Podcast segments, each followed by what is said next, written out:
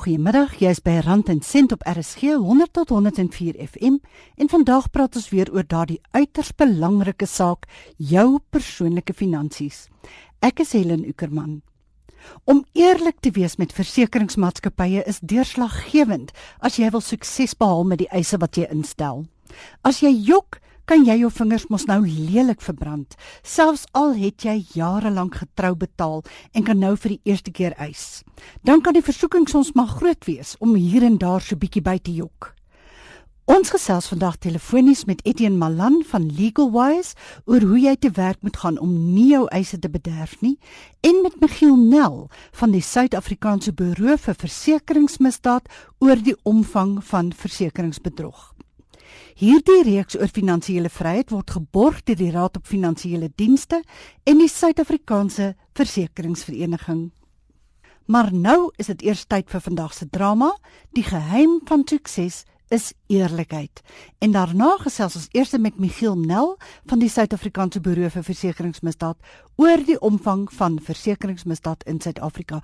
Kom luister, wat praat Astrid, Jacques en Beverly vandag?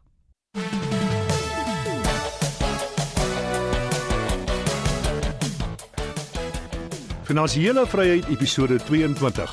Die geheim van sukses is eerlikheid.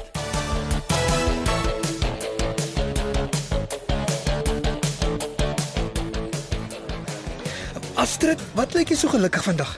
Dit het toe baie goed gegaan met Astrid by die ombudsman se kantoor. Hoe so? Ek dog jy is die een wat probleem wil uitsorteer. Ag ek is nie nou lus om daaroor te praat nie. Hoekom? Was dit slegte nuus? Nee. Daniel sê sy mag dalk 'n kans staan. Wie's Daniel? Dit is hoekom ons Astrid so blom vandag. Daniel werk by die ombudsman vir korttermynversekering se kantoor. En ek weet nie wat Astrid doen nie, maar teen die tyd wat ek klaar my saak gestel het by die ombudsman, toe het sy al klaar telefoonnommers gerou met die Daniel. Ek laat nie op my wag as ek sien daar's 'n oulike man wat in my belang stel nie. Dit klink bietjie vooraf. Voor in die koor as jy my vra. Vooraf. Ekskuus. Vooraf is nie 'n slegte ding nie. Dit is dalk wat jy moes gedoen het met jou versekeringsmaatskappy. Waarvan praat jy? Wel, soos ek dit verstaan, moes jy vir hulle vooraf vertel het dat jy by jou man lief ingetrek het. Ek het net 'n bietjie vergeet, dit is al. Ek was so besig met die trek en werk en arme Esther se man wat afgedank is dat ek nie daaraan gedink het nie. Sy was wel eerlik met hulle. Eerlikheid is so belangrik in 'n verhouding. Ek is so moeg vir mans wat lieg of soos hulle sê, die waarheid 'n bietjie verdraai. Die waarheid verdraai bly lieg. Stil bly is ook eintlik 'n tipe van lieg, weet julle. Wa- Wat bedoel jy? Soos ek wat jou gisterand gevra het of ek vet lyk in 'n rok. Toe bly jy net stil. Sis Jacques, jy moet mos altyd jou ou liefie komplimenteer. Ek stem nie saam met julle redenasie nie. Goed, kom ek stel dit in 'n manier wat jy self verstaan. Nou, dit klink interessant. Sien nou net jy bel jou versekeringsmaatskappy, né? Ek is altyd eerlik met hulle, so ek dink nie jy het 'n kans hierdie. Gee haar 'n kans om 'n storie te vertel, Jacques. Eh, Ek luister. Jy bel hulle vir huisinhoudversekering. Nou vra hulle jou alles oor die sekuriteit ensovoorts ensovoorts. En, en jy antwoord alles eerlik. Ja, ek het 'n alarm. Ja, ek het 'n sekuriteitsdeur. Natuurlik. Jy moet eerlik wees, anders hoe weet hulle vir wat en teen watter premie om jou te verseker? Presies. Jy wil 'n beter premie. Maar dan vergeet jy om te sê dat jou alarm al vir die laaste 5 jaar nie eintlik werk nie. Dit is lieg. Volgens jou vorige opinie is dit nie lieg as jy stil bly. So, jy het gelieg. Beverly het vet gelyk in die rok. Ah, Ek sal saamstem dat dit lieg is as jy nie vir die versekeringsmaatskappy jou volle storie vertel nie. Presies, want as jy wil eis, dan gaan die assessor sien dat die alarm stof op het en jy het vergeet om hulle in te lig dat jy eintlik nie jou alarm gebruik nie. So hulle gaan nie uitbetaal nie. dan is jy baie vies en huil in jou kussing dat die versekeringsmaatskappye net jou geld wil steel. Julle is reg met al daai goed. Presies. Sê eerder van die begin af jy het 'n alarm, maar jy gebruik dit nie, dan betaal jy bietjie meer op jou premie, maar ten minste sal hulle jou uitbetaal. Ek dink wat Beth probeer sê is wees eerlik en sê vir haar sy lyk vet in die rok, dan hoef sy nie 'n aap van haarself te maak om met die ding in die publiek te verskyn nie. Sjoe, dis nou nie eintlik wat ek bedoel het nie. Nou, wat bedoel jy dan? Ek bedoel as jy stil bly, kan dit ook gesien word as lieg. Ek dink nie jy kan die twee situasies vergelyk nie. Natuurlik dink jy nie so nie. Jy kan nie altyd eerlik wees in die verhouding nie. Partytjie moet mens iemand se gevoelens in ag neem. Waar jy glad nie jou versekeringsmaatskappy se gevoelens in ag hoef te neem nie. Jy moet eerder sorg dat jou bas gedek is as jy moet eis. Waar as jou meisie vir jou vra of sy vet lyk, dan red jy jou bas deur stil te bly of 'n klein wit leentjie te vertel. So jy het gedink ek lyk vet in die rok. Jy skiet eintlik net jouself in die voet as jy vir jou versekeringsmaatskappy lieg. Want jy is die een wat aan die kortste end gaan trek as dit kom by die eis. Verander jy die onderwerp? Ek dog ons praat van versekerings. Nee, ons praat oor eerlikheid. En 'n liefdesverhouding is net dieselfde soos jou verhouding met jou makelaar. Eerlikheid is baie belangrik. Wat se rok het jy aangetrek? Ag, ek het my matriekafskeidrok aangepas vir die pret. Ek het dit ontdek toe ek getrek het. So baie pink en geel nommer. Pink en geel. Dit was mode toe ek in matriek was. Nee, nee, nee, nee, skattie. Iemand het vir jou gelieg. Pink en geel saam was nog nooit mode nie. Dit is hoekom ek maar net stil gebly het. Nee, kyk Jacques, ek sou ook. Nee, julle is nou baie lelik. Kom ons sê so. Wees maar net bly die zip het nog toegemaak. Dit is 'n baie goeie teken as jy nog in jou rok kan inpas. Dan dan is jy nie vet nie. Sy is natuurlik nie vet nie, maar sy het gevra hoe lyk sy in die rok? Nie lyk ek vet in die rokkie. Wat moet 'n man nou sê? So ek het nie die regte vraag gevra nie. sien? Net soos jy die regte vrae moet vra vir jou versekeringsmaatskappy om die regte antwoorde te kry, so moet jy die regte vrae vir jou man ook vra om die regte antwoorde te kry. Ek gaan nou dadelik vir Daniel vra of hy my wil uitvat vanaand. Finansiële vryheid is 'n verbruikersopvoedingsprojek en word aangebied deur die lede van SAIA.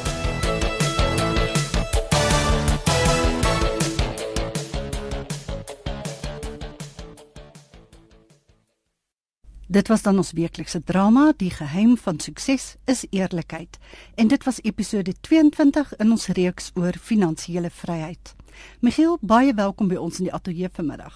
Goeiemôre Helen, baie dankie. Michiel, wat is die omvang van versekeringsbedrog in Suid-Afrika? Ek hoor amper die helfte van alle versekeringseise het wel 'n element van oneerlikheid in. Hooplik is dit nie so erg nie, Helen, maar ek dink wel as 'n industrie het ons nodig om baie meer statistieke en navorsing te doen om op daai werklike syfer uit te kom. Daar is redelik baie navorsing gedoen in die aan die mediese kant. Aan die korttermynversekeringskant het ons ook syfers beskikbaar. Aan die mediese kant weet ek is daar navorsing gedoen deur KPMG uh, so in die laaste jaar en 'n half en dit het getoon dat dit omtrent 30% is van alle eise. Ek dink ook net met betrekking tot daai syfers is dit nodig om uit te wys dat dit nie spesifiek mense is wat doelbewus die versekeraars probeer te nakom nie. Daar's baie keer gevalle waar iemand 'n item sal bysit sonder dat hulle dink daar is werklike impak met daai tipe aksie, maar dit word wel gesien as versekeringsmisdaad. Dit is definitief nie in lyn met die met die versekeringspolis nie, laat ek net dit byvoeg.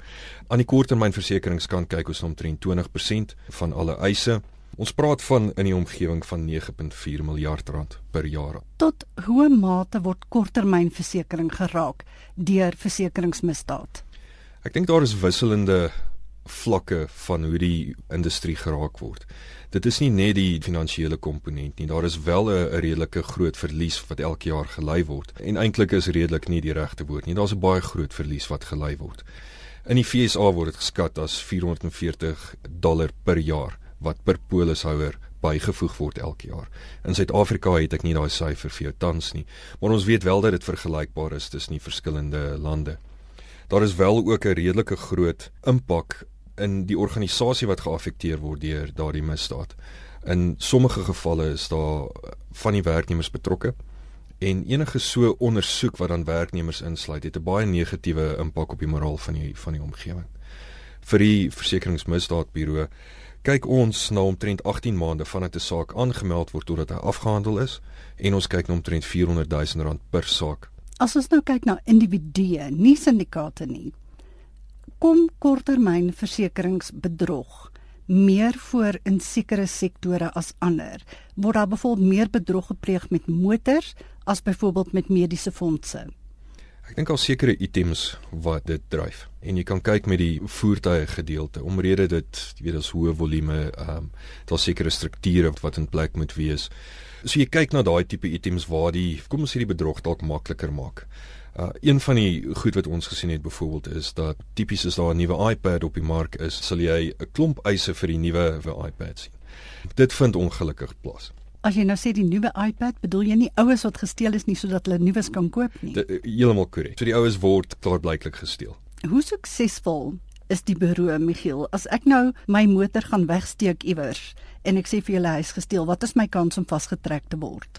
Ek dink redelik goed. Dit is 'n lang proses. Dis 'n ingewikkelde proses en dit is 'n kombinasie van data en samewerking tussen die industrie, rolspelers, die SAPS en dan die vervolgingskommissie. Tot op hede het die versekeringsmisdaadburo 12 sake vorentoe gevat. Al 12 het uitgeloop op suksesvolle ehm um, vonnisopleggings. Maar watter stappe volg julle om bedrieërs vas te trek? Dit is 'n groot kombinasie van elemente en en ek dink wanneer die goed reg saamwerk, verhoog die suksespersentasie substansieel. Daai kombinasie is die vermoë om data uit te ruil tussen die rolspelers, spesifiek die die industrie in in sy geheel. Ek weet die korttermynindustrie in daai opsig is is redelik ver gevorder. Ek dink is een van daai goed wat altyd kan verbeter en dis 'n groot dryf van ons kant en van ander organisasies in die versekeringsindustrie om dit wel te verbeter. So die data komponent is krities. Saam met dit is daar 'n redelike sterk behoefte aan tegnologie en die implementering van tegnologie wat dit vergemaklik. Ek dink wat dit wel baie suksesvol maak is die gebruik van 'n whistleblowers line dan is dit dus vletjieblassers, mense wat vir julle wenke gee. En verder, as jy so praat van die data komponent, bedoel jy dan dat korttermynversekeraars onder mekaar inligting uitruil oor mense wat verseker is wat dalk bedrog pleeg. Die inligting word nie uitgeruil tussen die versekeraars nie. Wat die versekeraars wel doen, is hulle verskaf die inligting aan die versekeringsmisdaadsburo en ons sal dit analiseer en die resultate van enige so analise wat op 'n syndikaat misdaad toon, sal ons dan basies verder vat in 'n ondersoek. Baie mense is natuurlik nie oneerlik nie. Wat is die gevolg van mense wat bedrog pleeg vir die wat wel eerlik is? Ek lees dat korttermynversekeringspremies 10 tot 15% laer sou wees as dit nie was vir bedrog nie. Ek dink dit is 'n akkurate skatting dat dit wel 'n impak het op die op die premie ja of dat die bedrog wel 'n impak het op die premie.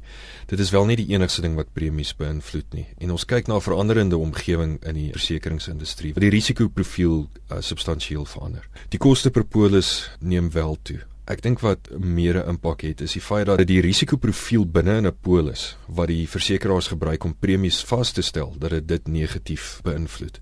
En deur daai analise word die premies dan hoër aangepas as wat dit noodwendig moet wees. En dit het natuurlik ook 'n effek op mense wat eerlik is met hulle premies want daardie verhoogde premies kan baie mense net eenvoudig nie meer bekostig nie. So minder mense verseker hulle self of hulle verseker hulle self tot 'n mindere mate en dit het dan 'n effek op mense se risiko. Dis heeltemal reg. Ek dink vir ons as 'n industrie is dit nodig om baie opleiding en baie inligting te deel met die publiek, die polishouers en ook met die rolspelers binne in die industrie. Ek dink daar is 'n groot verantwoordelikheid op die versekeringsindustrie om opvoeding te verskaf aan die polishouers en die rolspelers daar buite. Een van die verantwoordelikhede van die versekeringsmisdaadsburo is om daardie opleiding te lewer ja, as 'n diens aan sy lede en ook enigiemand anders. Ek dink nie daar's altyd 'n begrip van wat jou verantwoordelikheid as 'n polishouer is nie. En ek dink wat ons baie keer sien, soos met die voorbeeld met die iPad 2 teenoor die iPad 3,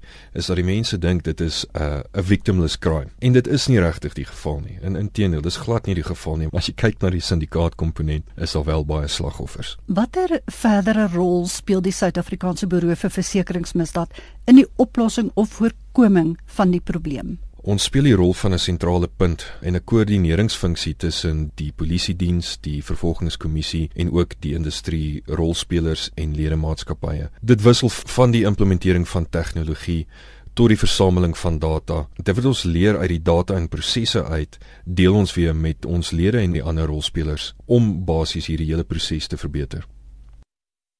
Dit was dan Michiel Nel van die Suid-Afrikaanse Buro vir Versekeringsmisdaad.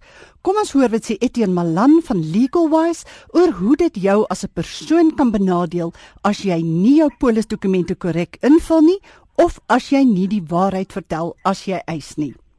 Etienne, lyk like my baie mense sien dit nie eintlik as bedrog om so ietsie by te jok op jou polis aansoekvorm of op jou eisvorm nie. Kan daar kriminele klagte ingedien word teen mense wat hulle daaraan skuldig maak? Daar kan beslis die gemeenregtelike definisie van bedrog is die wederregtelike en opsetlike verdraaiing van die ware stand van sake met jou eie persoonlike gewin as die einddoel.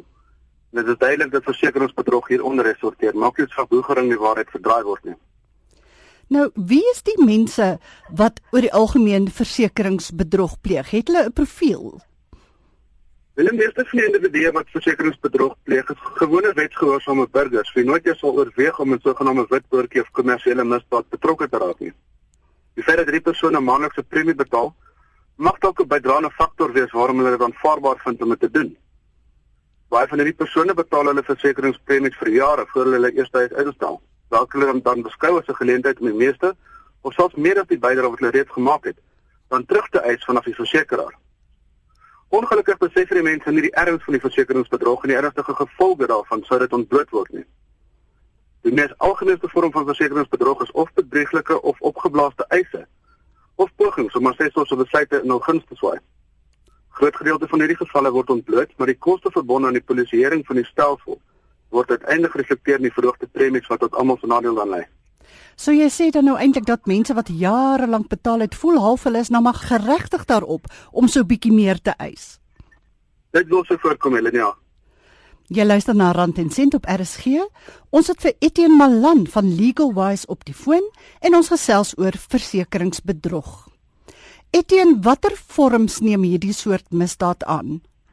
Oor die algemeen is dit 'n wanvoorstelling vir jou gesondheid, die nie openbaarmaking van byvoorbeeld jou rookgewoonte of die aantal operasies wat jy al gehad het, oor verskillende versekerings vir dieselfde skade te eis of om voor te gee dat jy dat jy voertuig gesteel is terwyl dit eintlik net weggesteek is tot die polis uitbetaal het. Of om jou eis net so 'n bietjie te laai met die skade wat jy eintlik nie gelei het nie. Eerlikheid bly maar die beste. Om te eis vir items wat jy nooit besit het nie of om te jok oor die ware omstandighede kan daartoe lei dat jou hele eis afgewys word weens bedrog. Versekeraars assesseer hulle risiko gebaseer op die inligting wat 'n persoon hulle voorlê. En dit hou dan direk verband met die premie. Dis oneerlikheid tydens die inligtingfase is eintlik sinneloos, aangesien dit die dekking kan ongedaan maak en al die premies al was dit nou laer as wat dit sou wees indien die ware toedrag van sake openbaar was. Dit was onverdiend. Soos ons weet kan jy self uiteindelik met 'n kriminele rekord sit as jy versekeraar besluit om met te vervolg. Hieronder nou om voor te gee dat jy elektriese bedrading het of diewering of veiligheidshekke by alle deure en so aan. So jy gee jouself eintlik voor as die ideale versekeringskandidaat as jy nie regtig is nie. So reg om die premies dan nou te verlaag. Ek lees dat mense selfs hulle eie karre oor die grens neem en dan vir diefstal eis. Is dit iets wat gereeld voorkom? Julle met kom beslis voor. Uh, wat kommerwekkend vir my is is dat die eienaars in samewerking met misdaadsyndikaate die voertuig identifikasienommers of VIN nommers van hierdie wettige voertuie meer as eenmal dupliseer in die buiteland. Soortgelyke voertuie dan vind dit hulle speel en dan uitvoer na lande reg oor Suider-Afrika. Dit moet dan duidelik te wees dat een so aksie 'n geweldige misdaadketting in die gang sit. Nou, hierdie soort misdaad het amper altyd ernstige gevolge vir die polishouers en hulle gesinne. Wat is hierdie gevolge, Etienne? Soos reeds vermeld, kan die individu krimineel vervolg word en indien skuldig bevind kan dit verseker tot ernstige gevolge lei wat tronkstraf insluit. Indien die versekeraar jou nie krimineel vervolg nie, sal sal dit natuurlik ook daartoe lei dat finansiële skade gelei word as gevolg van die afkeuring van die eis. En dan moet jou gesin die spit afbyt. Dit is so. Dit is Rand en Sent op RSG 100 tot 104 FM. Jy luister na Rand en Sent met my Helen Ukerman en ek gesels vandag telefonies met Etienne Malan van Legalwise oor versekeringsbedrog. Dit is natuurlik ook nie net die polishouers wat bedrog pleeg nie, nie waar nie. Wat van versekerings? 'n Mens hoor soms van mense wat agterkom premies word van hulle bankrekenings afgetrek waartoe hulle nooit toestemming gegee het nie. Hoe gebeur dit? Hulle vals aansoeke word van tyd tot tyd deur oneerlike adviseurs ingedien en onwettig bekomde salariskodes en vervalste handtekeninge word dan ook gebruik. Dit kan ook die gevolg wees van 'n onlangs gesteelde identiteitsboekie wat die persoon aan gebruik om op jou naam krediet en ander dienste be te bekom wat versekerings insluit. Die realiteit is dat baie van hierdie slagoffers onbewus is van hierdie tipe bedrog, aangesien hulle betaalstrokie dalk te laat of glad nie ontvang word nie of hulle gaan dit deeglik na nie. Dit kan die persoon deur te staan kom, veral in laer inkomste groepe. En dit die gevolg is byvoorbeeld dat ander debietorders nie gehonoreer word nie as gevolg van 'n gebrek aan fondse. Soos ons nou al gehoor het, is vals versekeringseise die wat ingedien word met die voorneme om die versekeringsmaatskappy te bedrieg en daaruit voordeel te trek. Maar wat gebeur nou as jy 'n eerlike fout maak? Hulle om as bedrog te kwalifiseer, moes die persoon die waarheid opsetlik verdraai het om hom om of haarself te bevoordeel. Eerlike fout kan myns insiens nie opsetlik gedoen word nie en kan enige tyd reggestel word. Mis dit nie die risiko die versekerde items te gevolglik die premie beïnvloed nie. Indien dit uitgerepareer word op basis wat 'n eerlike fout tydens die eisproses uh, begaan is, kan dit na die betrokke ombudsman verwys word as 'n dispuut en 'n objektiewe beslissing sal dan deur hulle gemaak word. In die voorbeelde wat gebruik is vroeër sal dit die ombudsman vir korttermynversekering wees. En meer inligting kan verkry word op hulle webwerf www.osti.co.za. Nou ja, dit is dan die ombudsman se webwerfadres www.osti.co.za. Etienne, waar kan 'n mens versekeringsbedrog aanmeld as jy daarvan weet? Dit kan gedoen word by Fraudline. Hulle nommer is 0860 002 526 of jy kan 'n e-pos stuur na insurance@fraudline.co.za. Dit is dus Fraudline by 0860 002 526 of jy kan e-pos stuur na insurance@fraudline.co.za.